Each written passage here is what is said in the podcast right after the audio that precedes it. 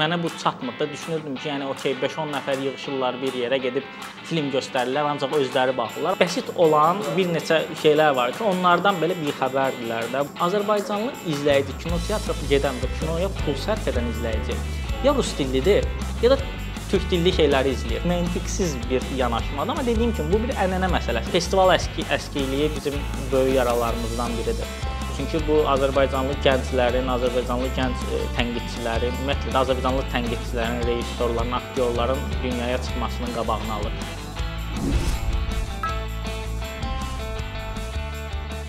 Deməli, Hacı, mən e, sən bu yaxınlarda Batumi və e, Kotbus film festivallarından qayıtmısan. Mən də Tbilisi 20-ci Beynəlxalq Film Festivalının, amma mən tamaşaçı qismində. Ona görə fikirləşdim ki, nə qədər bizim təəssüratlarımız boyatdaşmayıb, direkt əsl kinodan danışmağın vaxtıdır. Ə, yaxşı elədin. Sən demiş, mən əvvəlcə sentyabr ayında Batumda oldum.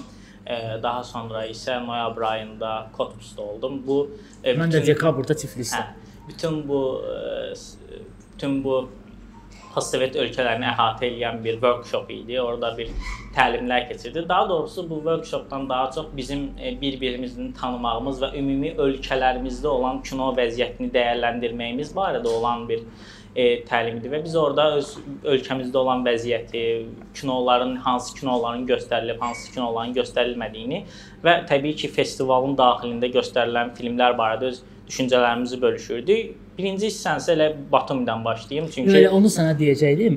Eləsə mən ümumi soruşacaqdım ki, belə yəni ümumi təəssüratın nə oldu? Hansından biri? Bütün hamısından. İkisini birlikdə nə, nə trendlər gördün? Təzə nə təmayüllər, nə şəkillər? Ümumiyyətlə hansı məşğulları gördün? Kimlə selfie elədin? E, belə deyim, e, mənim ümumi təəssüratım xoş oldu və mənim üçün əslində biraz da təəccübləndirici və üfüq açıcı bir e, təəssüratlı oldu. Çünki mən e, əslində film sektorunun və festival sektorunun əhəmiyyətini bu içində ol, olana qədər bil, bilmirdim. Yəni mən mənə bu çatmır da düşünürdüm ki, yəni okey 5-10 nəfər yığılırlar bir yerə gedib film göstərirlər, ancaq özləri baxırlar, amma gördüm ki, əslinə qalsa elə deyil və vəziyyət tamamilə başqa cürdür. Yəni, məsələn, bax elə sən baş sözü kəsirəm. Mən də Tiflisdə onu gördüm ki, deməli 100 film göstərdilər 7 gün ərzində. 100 film. Cəmi 3 seansa bilet tapdım. Hansı ki pulsuz değildi ya. Yəni pulla idi, yəni ödənişli biletlər idi. Cəmi 3 seansa bilet tapa bildim. Hə, bəli, elə demək olar ki, Batumidə də və Kotbusda da vəziyyət idi. Yəni ən azından e, düzdür, Batumidə filmlər göstərilən cəmi bir məkan var idi, amma Kotbusda 5-6 məkan var idi və bunların da demək olar ki, hamısı e, dolu keçirdi və insanların rejissorlara, filmlərə marağı var idi. Mənim e, diqqətimi çəkən əsas trend dünyada, daha doğrusu Avropada əsas trend e, Avropada artan e, sağ meyllərin və dini meyllərin artmasıdır və rejissorlar da ən çox öz filmlərini bu xristianlığın artan e, populyarlığı ilə və yenidən kilsənin yüksəlişi ilə əlaqədar diqqətini çəkən şey mövzulara yönəliblər. Məsələn, bir Polşa filmi var idi, onu izlədim. O filmdə ümumi bir xristianlıq barəsindədir və Oscara da namizəddir. E, digər tərəfdən isə bu meyllər və e, bütün dünyada yaşanan ə, e, siyasi proseslərin də və ümumiyyətlə mədəni hadisələrin, iqtisadi proseslərin də öz ə, necə deyim, proyeksiyasını biz kinolarda görürük və elə məhz buna görə də mən məsələn kinonun daha effektiv bir media vasitəsi, daha doğrusu daha effektiv bir silah olduğunu düşünürəm ki, artıq rahatlıqla sən o filmi izlədikdən sonra bir ölkənin ictimai, sosial həyatında nələr baş verdiyini görürsən və artıq sənə məlum olur. Elə bax elə mən də bunu e, Tiflis festivalında gördüm. Bir ingilis kinosuna baxdım. Təzə çıxıb 2019-da Jenkinsin Jenkins çəkib rejissoru Bates, yəni ə, tələf filmi. Deməli söhbət ondan gedir ki, bir ingilis kəndidir, balıqçı kəndi. Bu balıqçı kəndinə turistlər axın eləyir. Turistlər üçün iqtisadiyyata dəyişir. Artıq balıq tutmaq dəbi deyil. Hər kəs turistlərə xidmət göstərir. Kəndin uzun illər o qurulmuş ukladı dağılır. Və burada e, e, Londondan gələnlərlə yerli sakinlər arasında konflikt başlayır. Yəni e, təsəvvür elə ki, bir dənə orada siyasi atmaca yoxdur, siyasətdən bir dənə söz yoxdur, heç nə yoxdur. Amma filmə baxandan sonra dedim, hə, mən indi başa düşdüm ki, niyə ingilislər Brexitə səs verirlər, niyə Boris Johnsonu seçirlər, niyə İngiltərədə bu cür sağ populizm populyarlaşır. Yəni çox maraqlıdır ki, yəni bu film e, bir növ siyasi ritorikadan istifadə etməməklə, bir dənə siyasi söz işlətməməklə bütün bu Avropadakı hazırki atmosferi verir. Yəni sənin də qənaətin desən budur ki, Bəli. filmlər onu göstərir. Bəli, ümumiyyətlə filmlər e, buna görə effektivdir ki, öz dövrünün e, çox rahatlıqla qısa bir müddətdə öz dövrünün ruhunu, yəni əksər filmlər verməyi bacarırlar. Yəni 2 saatlıq bir filmə baxırsan və bununla da artıq orada nə olub, nə bitdiyini və insanların buna münasibətini, rejissorun buna münasibətini və burdakı prototipləri, obrazları başa düşürsən və cəmiyyətin dinamikasını da bir növ anlayırsan. Bəs Azərbaycan kinosu bu effekti verir. E, deməli mən bunun, bununla bağlı deyim ki, son dövrlərdə 2018 və 2019-da çəkilən və beynəlxalq film festivallarını göstərən 3 Azərbaycan filminə baxmışam və çox maraqlıdır ki, Azərbaycan filmləri e, tamamilə bu 3 rejissor, 3 ayrı rejissorun filmi və tamamilə ayrı e, necə deyim, qütblərdə dayanırlar. Məsələn, Hilal Baydarovun Xurmalar yetişən vaxt filmini izlədim. O film çox şəxsi bir filmdir. Yəni Avropada 50-ci, 60-cı illərdə olan tərzdə, yəni insanların öz şəxsi eksistensiyaları ilə, həyatları ilə bağlı olan bir filmdir. Sonra mövsümün sonu filmi Elmar e, Elmar rejissor Elmarın filmi idi. Rotterdamda mükafat alan. Rotterdamda mükafat. O film məsələn e, bir növ e, necə deyim, heç bir siyasi, ictimai background vermədən müasir şəhər həyatı barəsində olan bir filmdir. Son olaraq da Qaranlıqdan reportajı da izlədik. Orada da sən də var idin. Qaranlıqdan Hə, reportaj isə hə. sırf siyasi e, siyasi ə, üstünlüyü olan bir film idi. Yəni siyasi mövzular daha çox. Yəni gördüyün kimi tam ortada olan bir mövsümün sonu var və qütblərdə olan xurmalar yetişən vaxt və qaranlıqdan reportaj film var. Yəni Azərbaycanda belə deyim, insanlar müxtəlif fikirlərlə və müxtəlif dünya yetişlərlə bir ortaq məktəb olmadığı üçün tamamilə ayrı baxırlar rejissorlar məsələlərə və hərə də öz fikrini ifadə eləyir. Hə, onu düz deyirsən. Mən də o festival o nümayişdə idim. Qaranlıqdan e, reportaj filmi nümayişində idim. Mənim fikrimcə o hərçənd mənim fikrimcə yaxşı kino idi. Bə mən bəyəndim, yəni yaxşı film idi, amma məncə o çox siyasi idi. Yəni açıq siyasi idi. Yəni məsələn istər-istəməz o Jenkinsin filmi ilə müqayisə edirəm ki, e, siyasi ritorikadan istifadə etməməklə də siyasi film çəkmək olur. Amma mən başqa bir şey gördüm. Çünki e, e, həm həm də o Rotterdam festivalında olan mövsümün sonu filmdə də Bakıdakı nümayişində olmuşam. Mən maraqlı bir şey görürəm ki, bizim insanlar e, bu filmlərə baxırlar. İndi bu filmlər adi filmlər deyil də, ən azı festivallara gedib nümayiş olunur. Və çox maraqlı şərhlər gəlir. Məsələn, deyirlər ki, filan yerdə dialoqlar uzun idi. Onu kəssəydiniz yaxşı olardı. Filan yerdə kameranı belə qoysaydınız yaxşı olardı. Yəni e, məsələn, təbii ki, tənqid olmalıdır. Amma mən məsələn e, başqa yerlərdə bunu görmürəm. Ancaq e, yəni başqa nə mənada internetdə izləyirəm tənqidləri filan. Məsələn, söyərlər, deyərlər pisdir, istedadsızsan, yaxşı çəkməmisən. Amma məsələn bu cür şərhlər ki, məsələn bizim yazıçılara da bunu verirlər. e. Deyirlər ki, məsələn filan yeri e, uzun yazmısan, filan yeri belə yazmısan. Burada giriş yaxşı alınmayıb. Həm kinoda da məsələn kamera uzun yaxından çəkib, uzaqdan çəkib, bunu belə. Bu ümumiyyətlə nə məsələdir? Yəni bizim bu tənqid mədəniyyəti bizdə. Çünki nəyə görə bunu soruşuram? Sən özün mən baxdım bu dekabrda sənin e, sən 1 il ol tamam oldu sənin YouTube kanalın. Sən artıq yemişkən təbrik eləyirəm. Çox sağ ol. Davamlı olsun. Sən təxminən keçən ilin dekabrında Filmaç kanalı açmısan, açmısan YouTube-da və orada bizim kinoları tənqid edirsən. Bizim kinoları, xarici kinoları. Yəni sən də tənqidlə məşğulsan. Bizdə bu tənqid mədəniyyətinə sən mənim gözümü biraz danqolaya görsənir. Xüsusən bu məqamlar.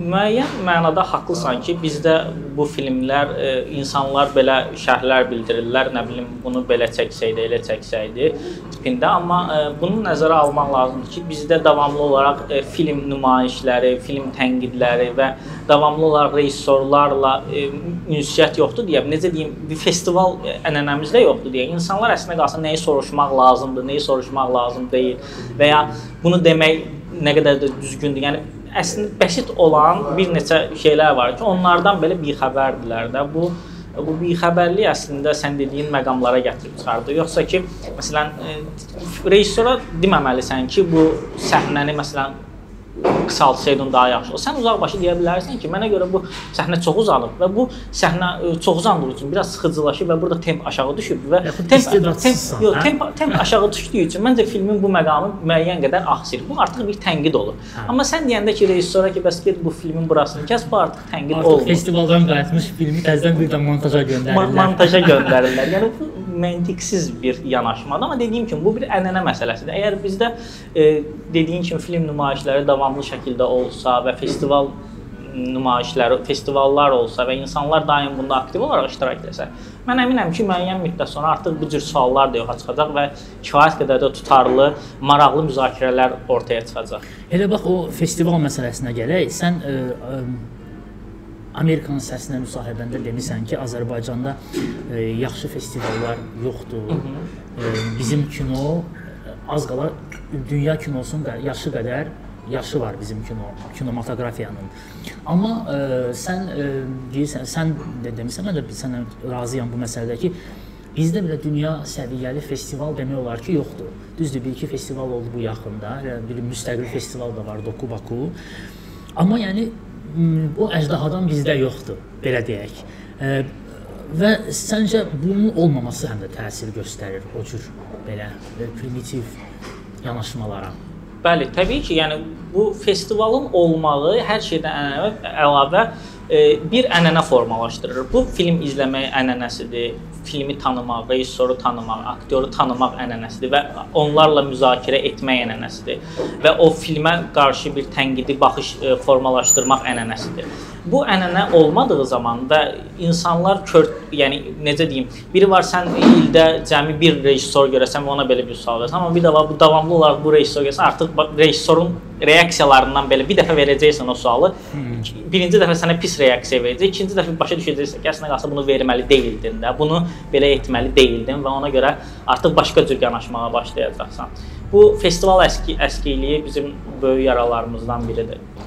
Ona görə böyük yaradı deyirəm ki, çünki bu Azərbaycanlı gənclərin, Azərbaycanlı gənc e, tənqidçilərin, ümumiyyətlə də Azərbaycanlı tənqidçilərin, rejissorların, aktyorların dünyaya çıxmasının qabağını alır. Yəni ən bəsit nümunə kimi bunu göstərdim ki, Batumi Film Festivalında e, film inkişaf proqramı var. Orada bir filmi seçmişdilər.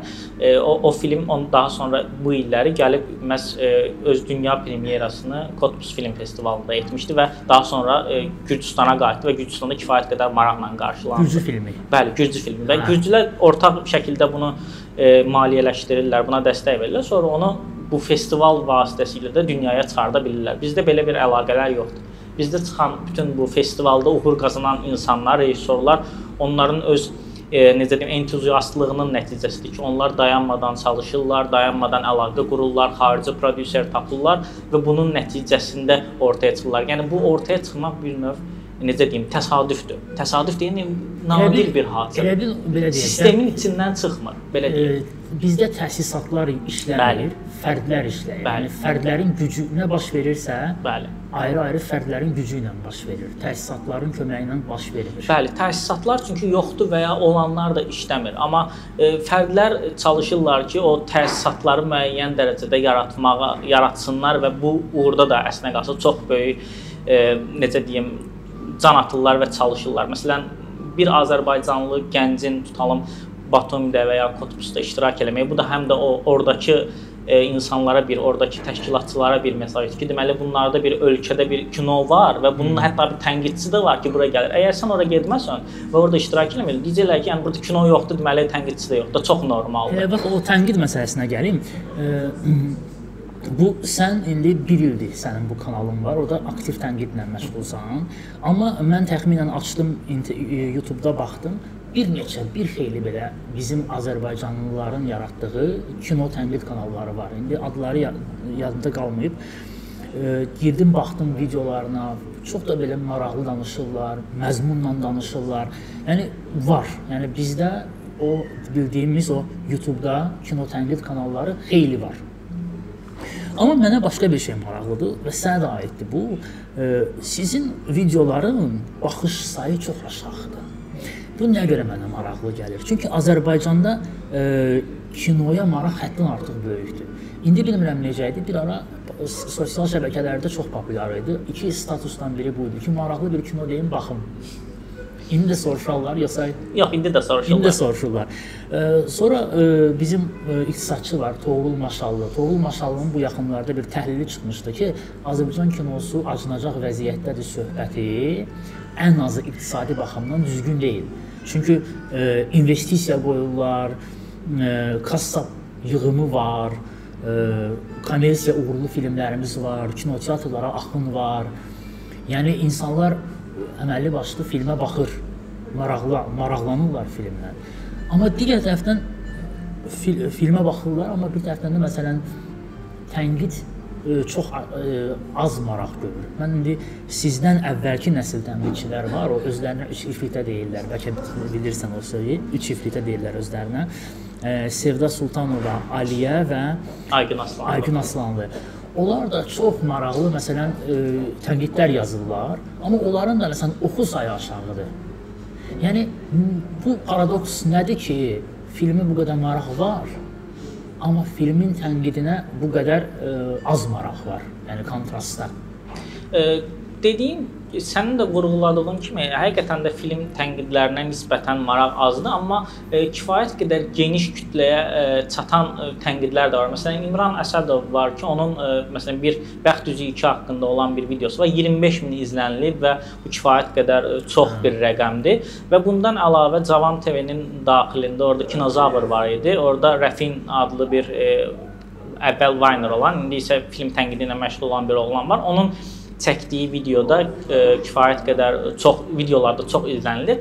Belə deyim, e, bir media quruluşunun daxilində onu edəndə, məsələn, Cavan TV-dəki kimi, orada çünki sənin hər videoya ayrıca investisiya qoyurlar və bunun reklamı ilə məşğuldurlar, səni daim e, reklam edirlər deyə daha çox izləyiciyə çıxmaq şansın var. Necə ki, Rəfin işi Kinozavr çıxmışdı və orada demək olar ki, film film var, baxırsan ki, film haqqında 45 min, 50 min, 70 min, yəni kifayət qədər yüksək rəqəm var. Amma, amma media quruluşunun hə, içindədir. Media quruluşunun Yəni, içindədir. tək özü deyil, Tək hə. özü deyil, amma məsələn İmranın videolarında 5 min, 10 min arası bir baxış var. Sonra Kinopoli var, o daha aşağıdır və mənim də kanalımda kifayət qədər i- izləyici istədiyim qədər deyil və aşağıdır. Burada ə, bir neçə faktor var. Bu faktorlardan biri odur ki, Azərbaycanlı izləyici, kinoteatra gedən və kinoya pul sərf edən izləyici ya rus dillidir, ya da türk dilli şeyləri izləyir. Belə deyim. Yəni bu adam gedib kinoya baxırsa, o o sən burada təkcə Azərbaycanlı tənqidlə yox, həm də rus rus dillilərlə və türk dillilərlə müqayisə mübarizə Bizim aparırsan. ölkənin ənənəvi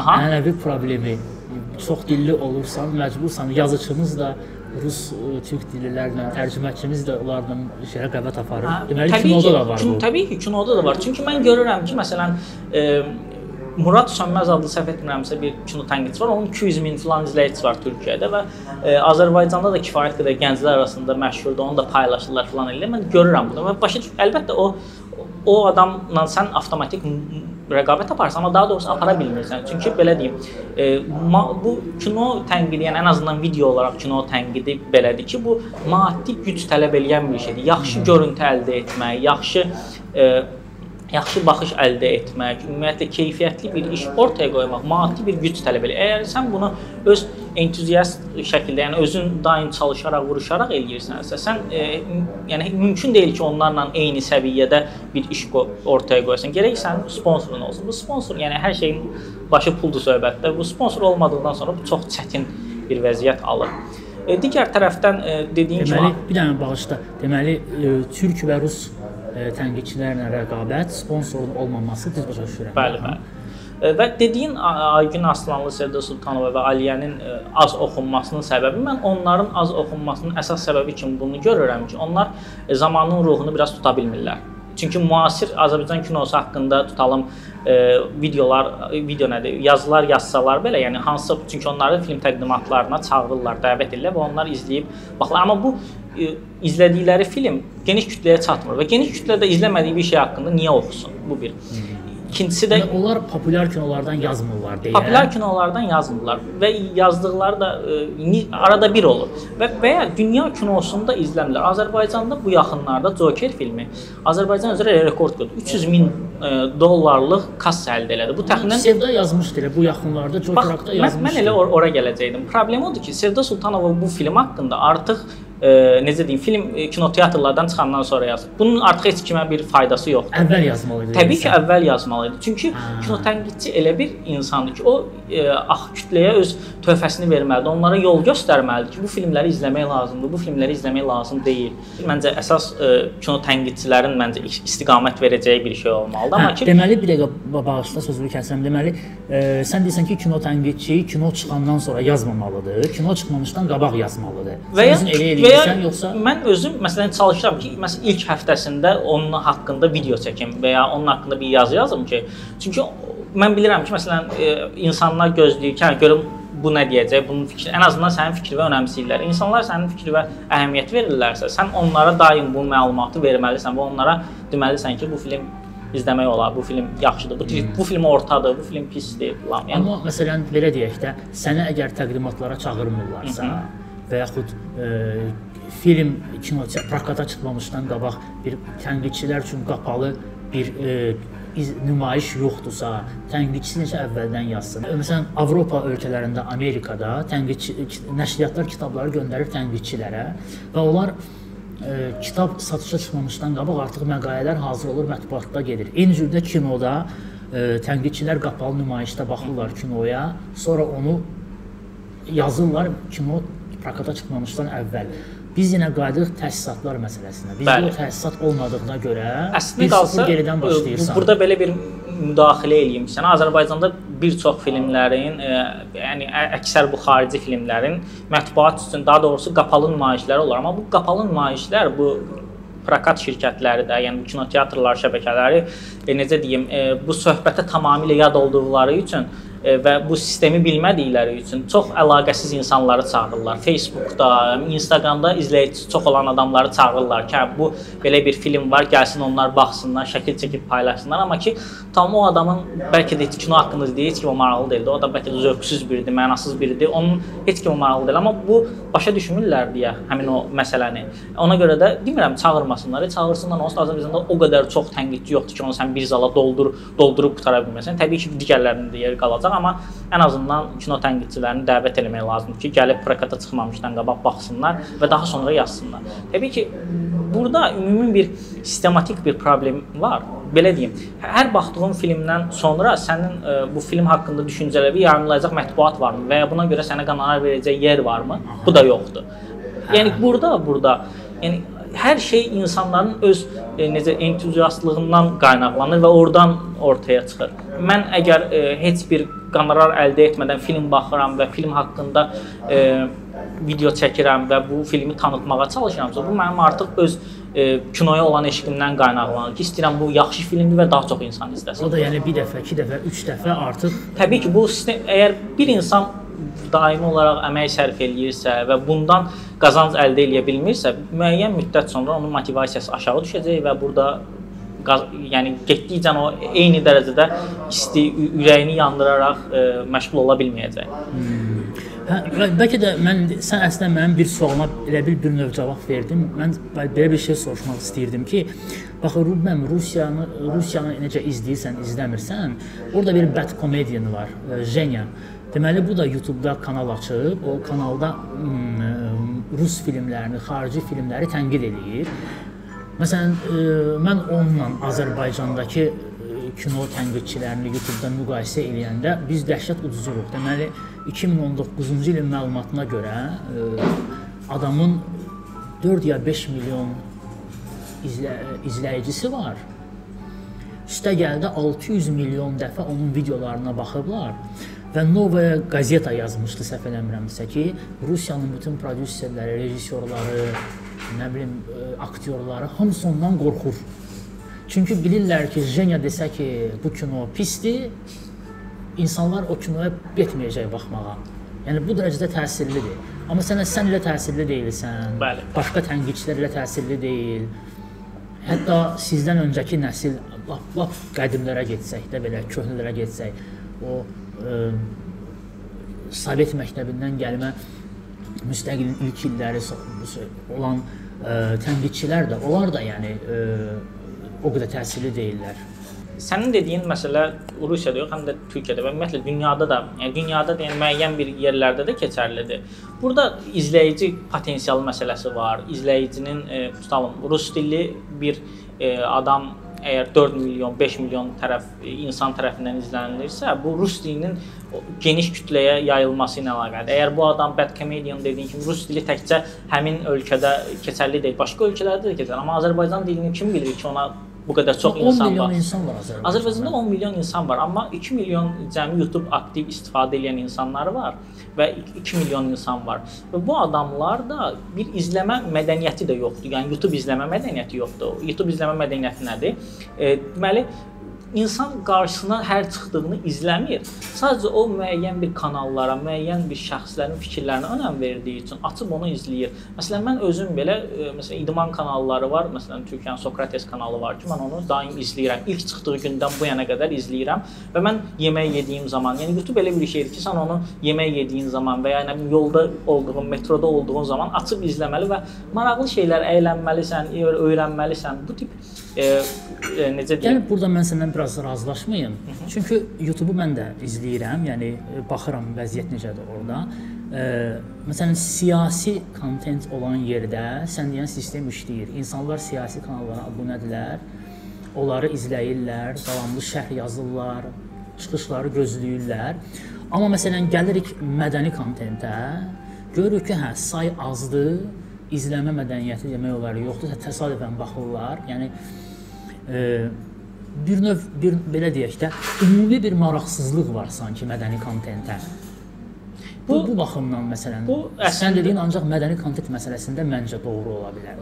O- Haqlısan bu barədə. Yəni dediyin o siyasi videoların çox izlənməsi əslində qalsa ölkədəki siyasi vəziyyətdən də qaynaqlanır. Belə deyim də, insanlar öz düşündükləri şeyləri kiminsə ifadə etməyini istəyirlər və bunun üçün də həmin adamlara girib baxırlar, izləyirlər və ya nə bilim əyləncə olaraq belə izləyən, sırf onu oradan nəsə gö çəkib götürüb Facebookda paylaşsın, Twitterdə paylaşsın deyə izləyən adamlar var. Amma bu mədəni e, hadisələrə maraqsızlıq ümumi e, məncə bu barədə haqlısan, amma biraz da vəziyyətlə əlaqəli bir şeydir. Əgər e, ölkədə e, kifayət qədər e, siyasi bir azadlıqlar olsa və siyasi e, siyasi rahatlıq olsa, mən düşünürəm ki, o xaricdən məsələn ən çox video çəkənlər bu qədər çox izlənməyə bilərlər və ya daha az izlənib və mədəni insanlar mədəni e, fəaliyyətlə daha çox məşğul zaman bu izlənmə sayı da arta bilər. Yəni insanlar tutalım e, mən e, saat səhər saat 8-də evdən çıxıb axşam saat 9-da evə qayıdan e,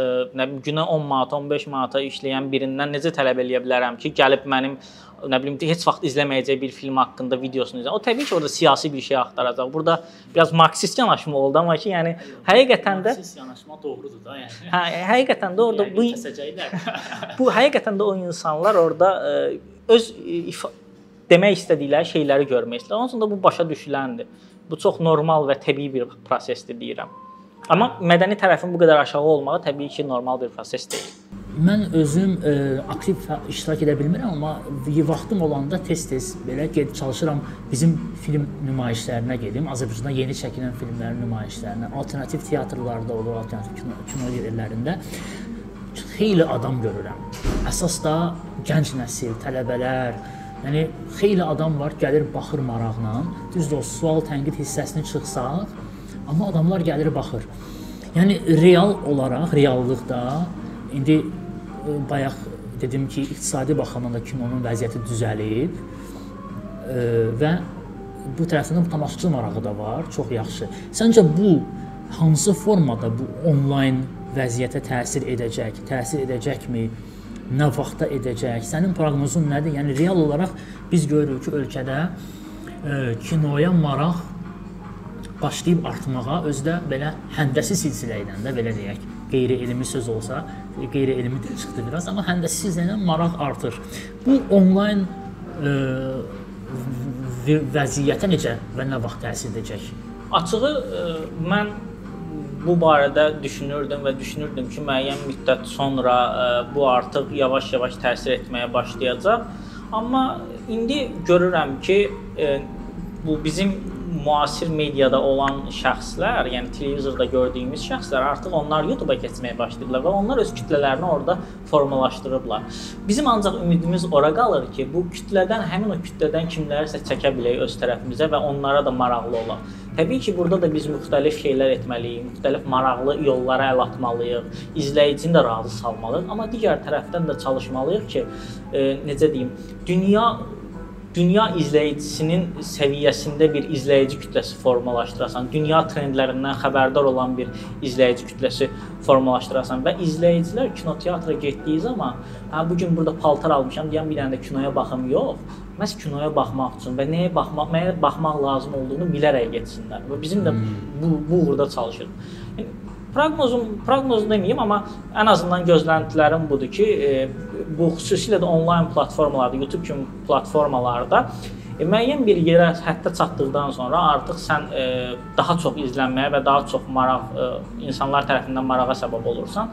Ancaq ümid eləyə bilərəm ki, bizdə də o maraqdan nə varsa bizə də olacaq. Hə, ondan, ondan bizə də fayda düşəcək. Ümid Hə? edirəm. Hələ bu optimist notlarda bitirək. Yəni e, çox sağ ol Hacı, e, maraqlı söhbətlər elədin. Mən özüm də e, yeni şeylər öyrəndim xeyli, yeni baxış gördüm. Yəni əslində e, bu e, kino tənqid, tənqid vacibdir. Kino tənqid vacibdir. Tənqid ondan da vacibdir. Yəni hər xüsusən də mədəniyyət sahəsində. Çünki mədəniyyət sahəsində tənqid olmasa inkişaf da olmayacaq. Elə mən bu ə, Tiflis festivalında gördüm. Adamlar 20 ildir dayanmadan hər il bu festivalı eləyirlər və bu gün o festivalın bu cür bu cür belə yüksək formada keçirilməsinin səbəbi həm də odur ki, bunlar ardıcıl olaraq, davamlı olaraq 20 il bunu keçirdiblər. Biraz vaxt lazımdır. Ümid edirəm ki, bu vaxt bizim xeyrimizə işləyəcək. Çox sağ ol Hacı. Mən də minnətdaram məni dəvət elədiyin üçün. Xoş söhbət oldu. Mənim üçün də maraqlı həm söhbət oldu və ən azından özümü müəyyən dərəcədə rahat ifadə edə bildiyim, yəni çünki bu bu şeylər barəsində mən daim düşünürəm. Axır ki qismət oldu ki, məsələn bu dərdimi açmaq öz könlümdə sağ ol, olanları. çox sağ ol. Çox. Sağ ol, sağ ol.